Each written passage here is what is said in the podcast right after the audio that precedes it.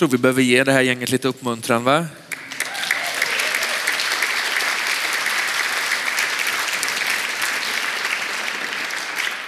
Bra. Fantastiskt. Undrar om ni fattar hur bra ni har det ibland. Jag tror inte det.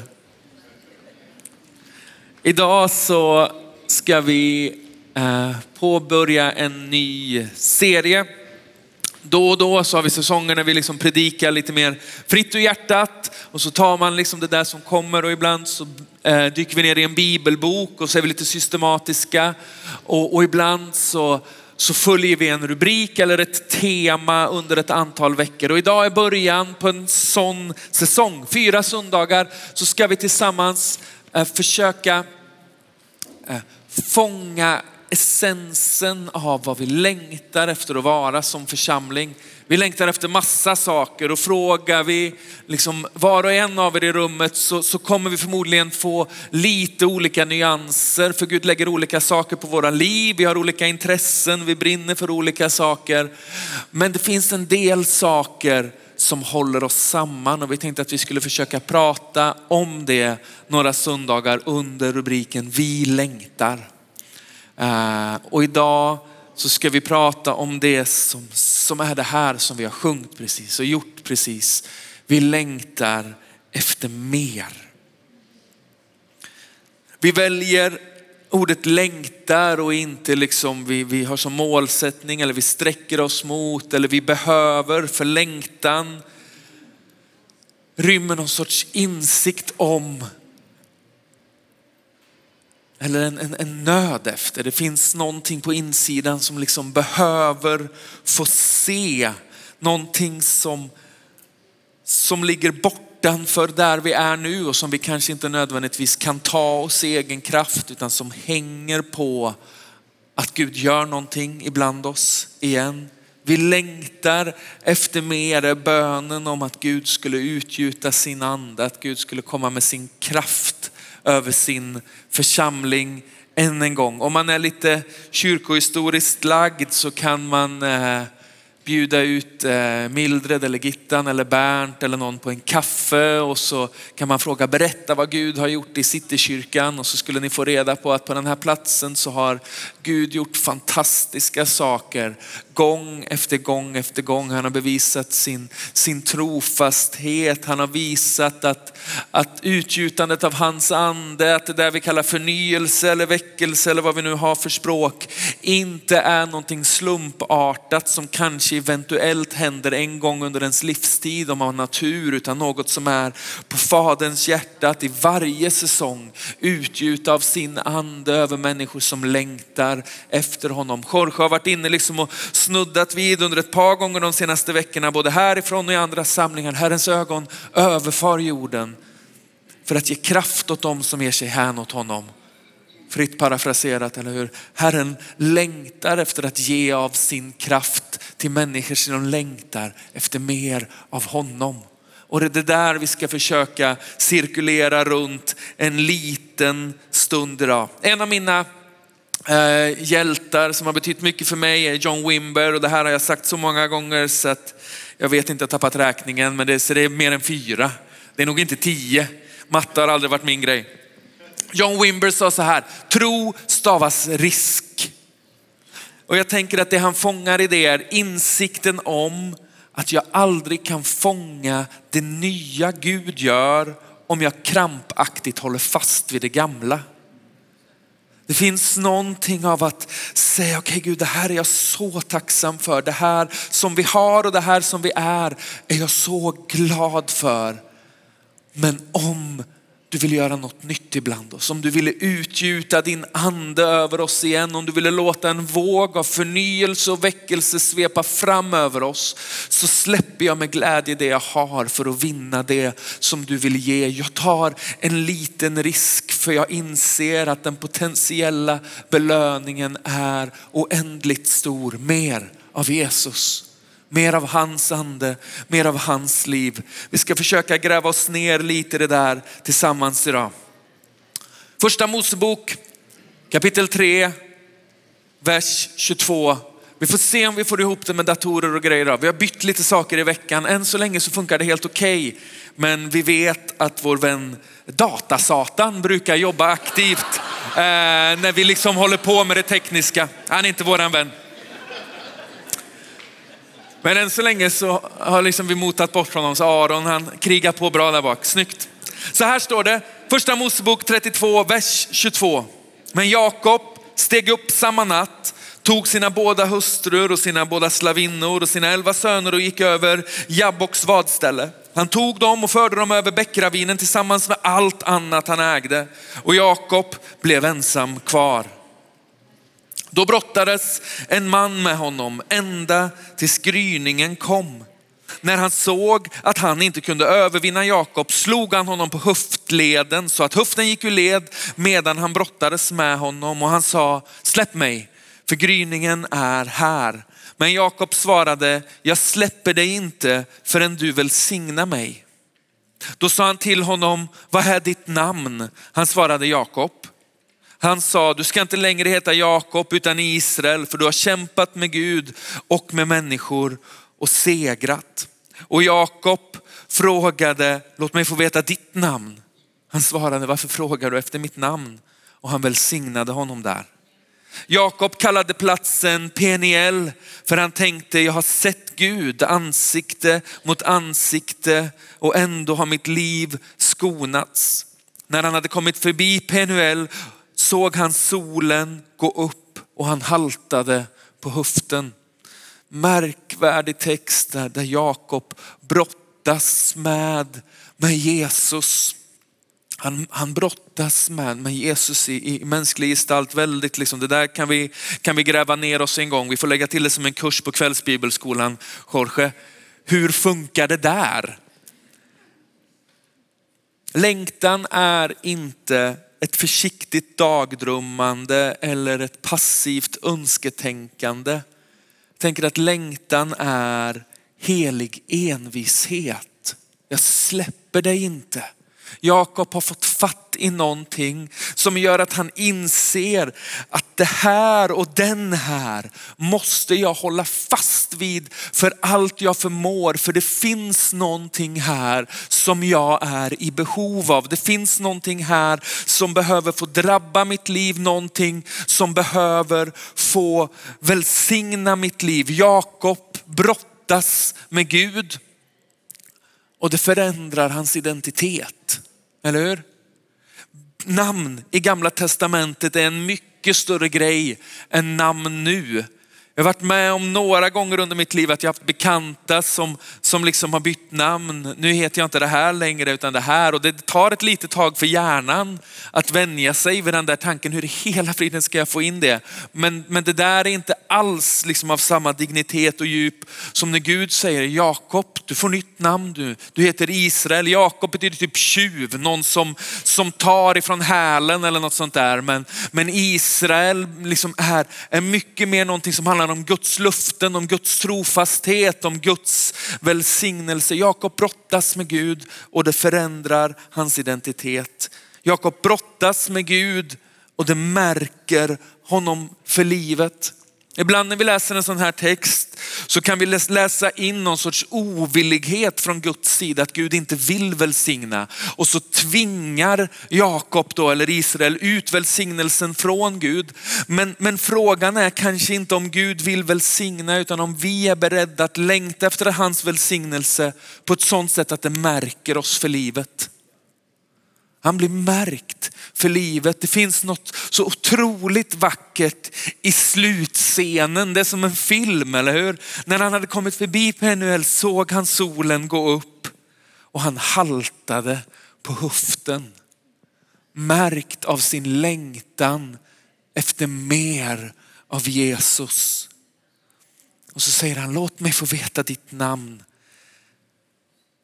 För Jakob vet på något sätt att det vi längtar efter inte är en kraft. Det är inte en erfarenhet eller upplevelse. Det är inte att det ska kännas på ett visst sätt.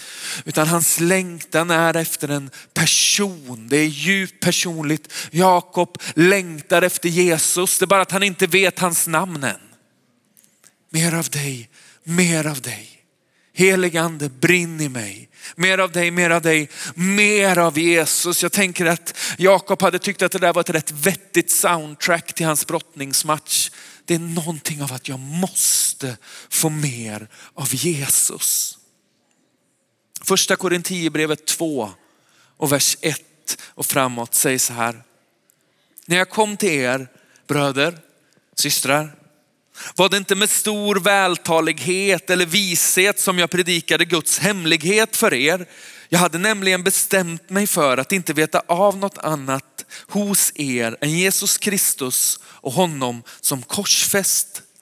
Svag, rädd och mycket orolig kommer jag till er. Mitt tal och min predikan kom inte med övertygande visdomsord utan med bevisning i ande och kraft. Er tro skulle inte bygga på människors visdom utan på Guds kraft.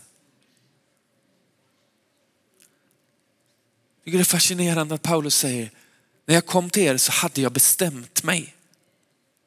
Medveten om sin egen liksom kapacitet och förmåga. Paulus vet hur man svänger till det. Paulus kan predika, han kan liksom skriva så att folk hukar sig i bänkarna. Det är inte som att Paulus har svårt med orden, eller hur? Vi har ju gjort i sommar en, liksom en genomläsning av mycket av det som Paulus har skrivit och ibland så känner man, ojsan liksom vad han tar i.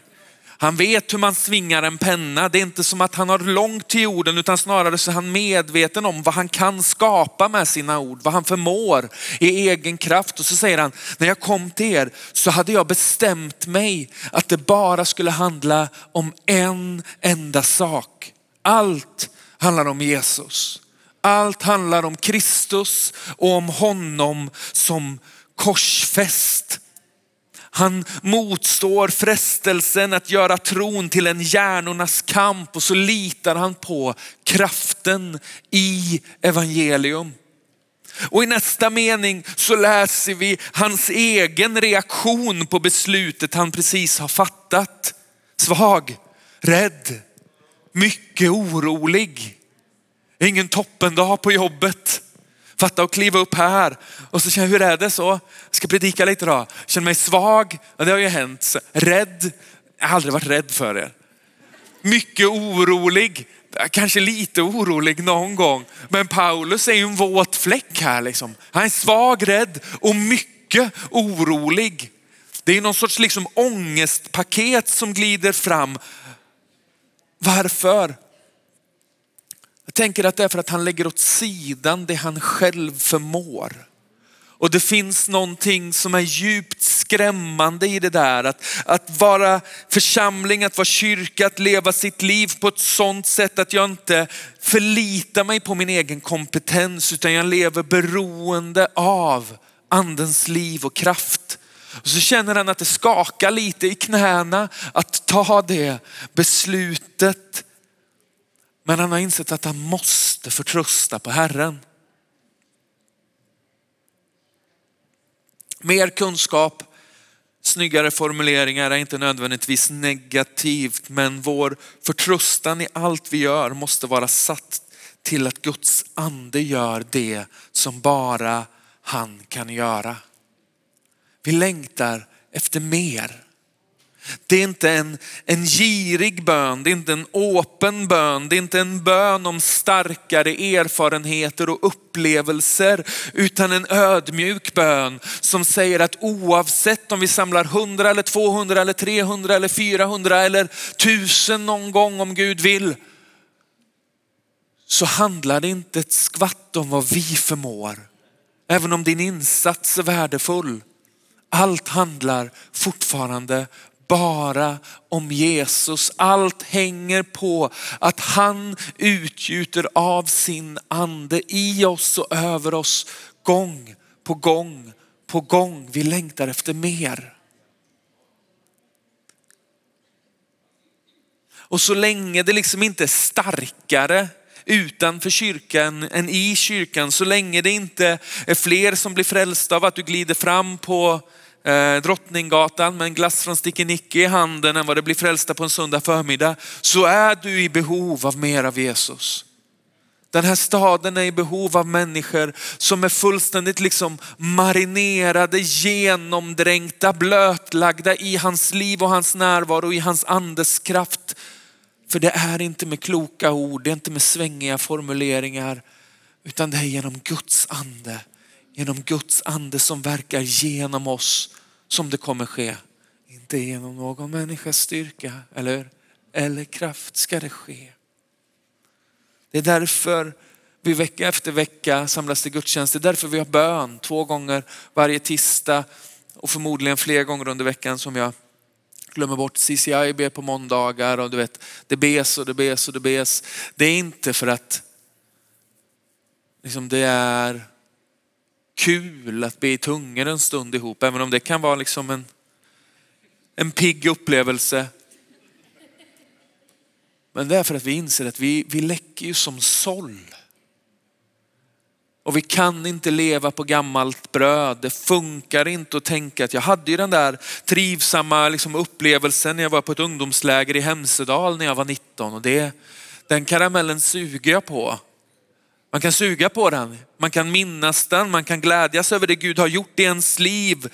Men behovet av att Guds ande gång på gång på gång möter mig kommer jag aldrig runt. Jag behöver Jesus, jag behöver mer av Jesus. Du behöver mer av Jesus. Vi behöver mer av Jesus och vi behöver odla våran längtan efter mer av Jesus någon sorts helig otillfredsställdhet. Om jag inte får möta honom idag så vet jag inte vad det blir av oss. Jag vet inte vad det blir med mig för mitt hjärta måste få möta honom. När får jag komma Herre? När får jag höra din röst? När får jag se ditt ansikte? Jesus säger så här i Johannes evangelium kapitel 3 och vers 8. Vinden blåser vart den vill och du hör dess sus, men du vet inte varifrån den kommer eller vart den är på väg. Så är det med var och en som är född av anden. Anden går inte att fånga, visst ni det? Anden går inte att styra. Anden går bara att följa. En församling som vill se Guds kraft verksam ibland sig behöver lära sig att följa anden dit han leder. Det här är ju liksom söndagsskoleteologi. Men bedrövligt svårt i praktiken, eller hur? Att lita på anden. För 18 år sedan, två månader sedan eller något, så åkte jag och Helen, min fru, på bröllopsresa. Jag tror jag har pratat om det här någon gång, men jag, jag har långsamt lärt mig att omfamna värdet av en kalender. Eh, jag inser att om jag skriver upp saker jag ska göra så är det större chans att jag kommer ihåg dem. Större chans att jag ser till att inte liksom viktiga saker händer samtidigt. Eh, en sån miss som lärde mig en del om det där, det var när jag hade bokat in att leda lovsång på EFKs missionärskonferens två dagar efter att vi gifte oss. Eh, Sådär uppskattat.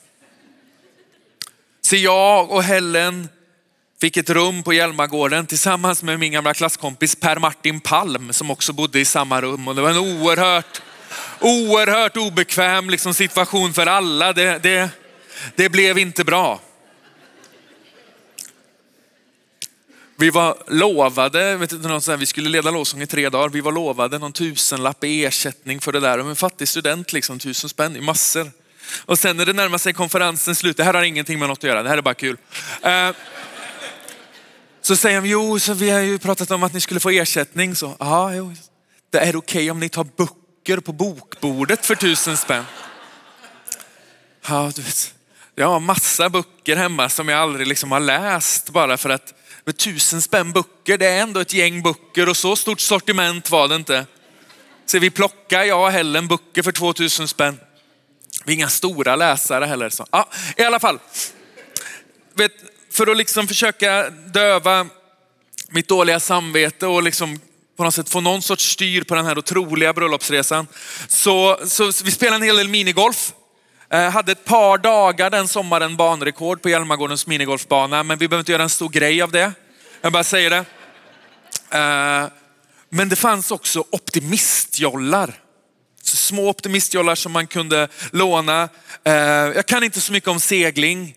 Eh, men, jämfört med, med hällen så var jag ändå liksom eh, djupt insatt. Så jag får ner hällen i en optimistjolle, jag hoppar ner i en optimistjolle och så liksom puttar jag ut henne från, från bryggan. Och när hon glider ut så har man en sån, det kallas för ett centerbord va? en optimistjolle, en köl som du trycker ner. Och den slår till en sten när den åker ut, så den liksom vrider på sidan och så låser den. Och så ut på sjön och det var liksom ingen toppendag, det var lite mulet och tråkigt. Men Hjälmaren är en, en liten lurig sjö för helt plötsligt så började det blåsa. Och det kan blåsa rätt bra och det började blåsa rätt bra. Så våran liksom start som ett ungt nygift par, att Helen bara snurrar. Jag är så himla glad att streamen ligger nere för övrigt. Vi får klippa bort det här sen för hon är hemma och är krasslig då. Så då kan jag dra på lite. Eh, så Helen liksom snurrar runt, runt, runt ute på Hjälmaren och får liksom ingen styr på det och ropar mamma, mamma! Och jag känner mig lite otillräcklig, lovar inte säga att jag har sagt det här. Eh, och så får jag ut i en annan optimistjolle och så får jag liksom försöka boxera in henne. Men du vet, det var katastrof. Sen när jag och Helen och Per Martin gick och la oss den kvällen så var det lite, lite spänt. Så kan det vara, eller hur?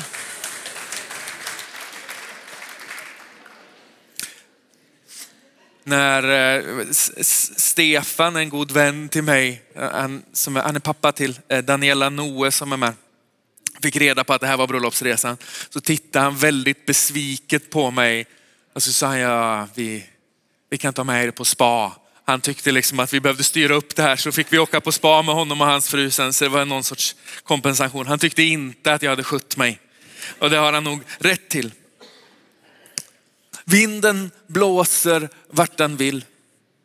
Jag tänker att varje liksom församling har ett behov av att ha balans i två saker. Det ena är våra segel för att kunna fånga andens vind. Det andra är det där centerbordet som ser till att vi kan utvinna kraft ur vinden som blåser. Utan centerbord så blir kraften mest ett snurrande som sakar riktning och det är därför vi hela tiden säger vi har kvällsbibelskola, vi har en bibelskola, vi måste få ner snoken i boken, vi måste läsa Guds ord. Men ordet utan vinden blir liksom tryckt och tråkigt. Vinden utan ordet blir snurrigt och farligt, men tillsammans så blir anden och ordet oss till riktning. Det blir oss till kraft och till tryck.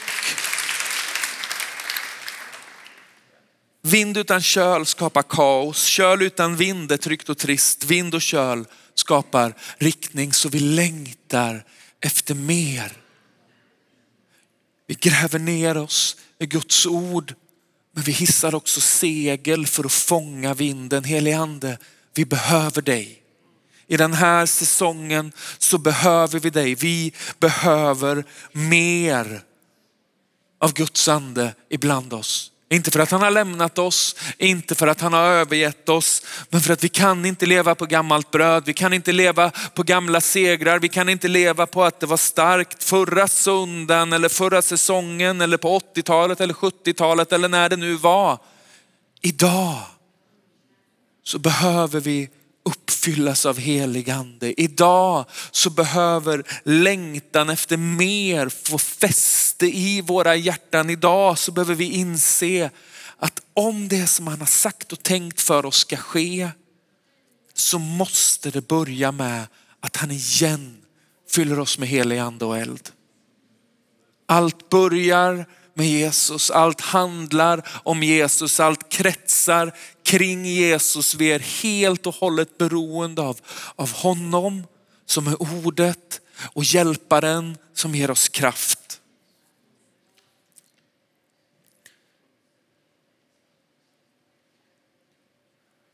Vi längtar efter mer. Vi vill se fler människor komma till tro. Vi vill se fler människor bli helade. Vi vill se mer av Guds kraft i våra liv. Vi längtar efter mer. Vi vill se fler relationer bli hela, fler familjer upprättade, fler beroenden brytas, fler liv befrias i Jesu namn. Så vi längtar efter mer. Vi vill se stadsdelar förvandlas av kraften i evangelium. Vi vill se unga profetera, se gamla drömma drömmar. Vi vill se ett folk som fungerar i andens gåvor. Så vi längtar efter mer. Vi vill se en våg av liv som sveper genom församlingen. Vi vill se församlingar förnyas. Vi vill se väckelse drabba små hålor och stora städer. Därför längtar vi efter mer. Och allting börjar med längtan efter mer av Jesus. Mer av hans närvaro och kraft, mer av helig ande utgjuten bland oss. Det är därför vi samlas vecka efter vecka. Det är inte för att det är en trivsam stund av tillbedjan utan det är platsen där vi tillsammans ropar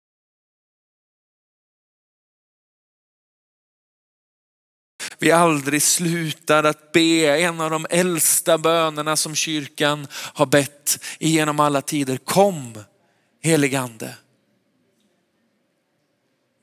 Kom heligande. Och så är vi ärliga och säger att ibland så, så längtar vi inte. Men vi kanske längtar efter att längta. Och så växer den där längtan när vi närmar oss Jesus. Den växer när vi umgås med hans ord. Den växer när vi väljer att tillbe fast att vi inte känner att det var ens favoritsång eller att jag har den bästa morgonen. Den växer när jag väljer att luta mig in och lägga mitt huvud på hans bröst. För tron är en gåva, eller hur? Tron är någonting som han ger. Det är ingenting som jag frammanar utan någonting som, som präglar mig och formar mig när jag är i hans närvaro. Så vi längtar efter mer. Vi längtar efter att längta efter mer. Och där vi längtar, där vi blir en gemenskap som säger vi släpper dig inte Herre. Med mindre än att du välsignar oss. Ny kraft för en ny tid. Nytt liv för en ny tid. Det kommer Gud ge av sin ande. Och så får vi leva med att vi kanske drar på oss en och annan skavank på vägen. Men tänk att få närma sig solnedgången lite haltandes, men medveten om att evighetens Gud igen har talat liv in i mitt liv. Han har välsignat mig, han har fyllt mig med sin ande. Han har rört vid mig med sin eld. Han har gjort någonting i mig och bland oss som bär på den inneboende kraften och potentialen att sätta fångar fria. Att ge hopp till de hopplösa, att ge tröst till de som sörjer läkedom, till de som är sjuka. Mer av Jesus. Ska vi be den bönen tillsammans? Kom helige ande.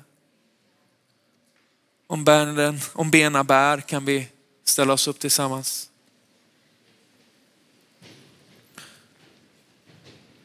Vi ska alldeles strax fira nattvard så nattvardstjärnarna kan få, tack Christian, och göra sig i ordning. Men en, en liten stund innan vi gör någonting annat kan vi bara be kom heligande och sen väntar vi en stund. Inte för att vi liksom har bestämt vad som ska hända eller att vi ska stå här tills det känns på ett visst sätt eller tills någon börjar snyfta. Utan som en profetisk handling. Vi behöver inte röra oss, vi bör inte röra oss, vi, vi ska inte flytta oss. För en Guds ande och Guds vind har börjat blåsa och när vinden blåser då hissar vi segel och så fångar vi vinden och så går vi dit anden leder. Men vi börjar med att vänta för vi är beroende av Guds ande i varje säsong. Okej? Okay? Så vi ber. Kom helige ande.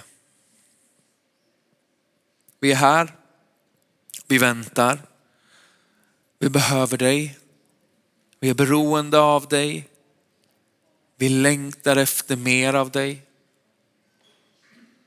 Så kom heligande.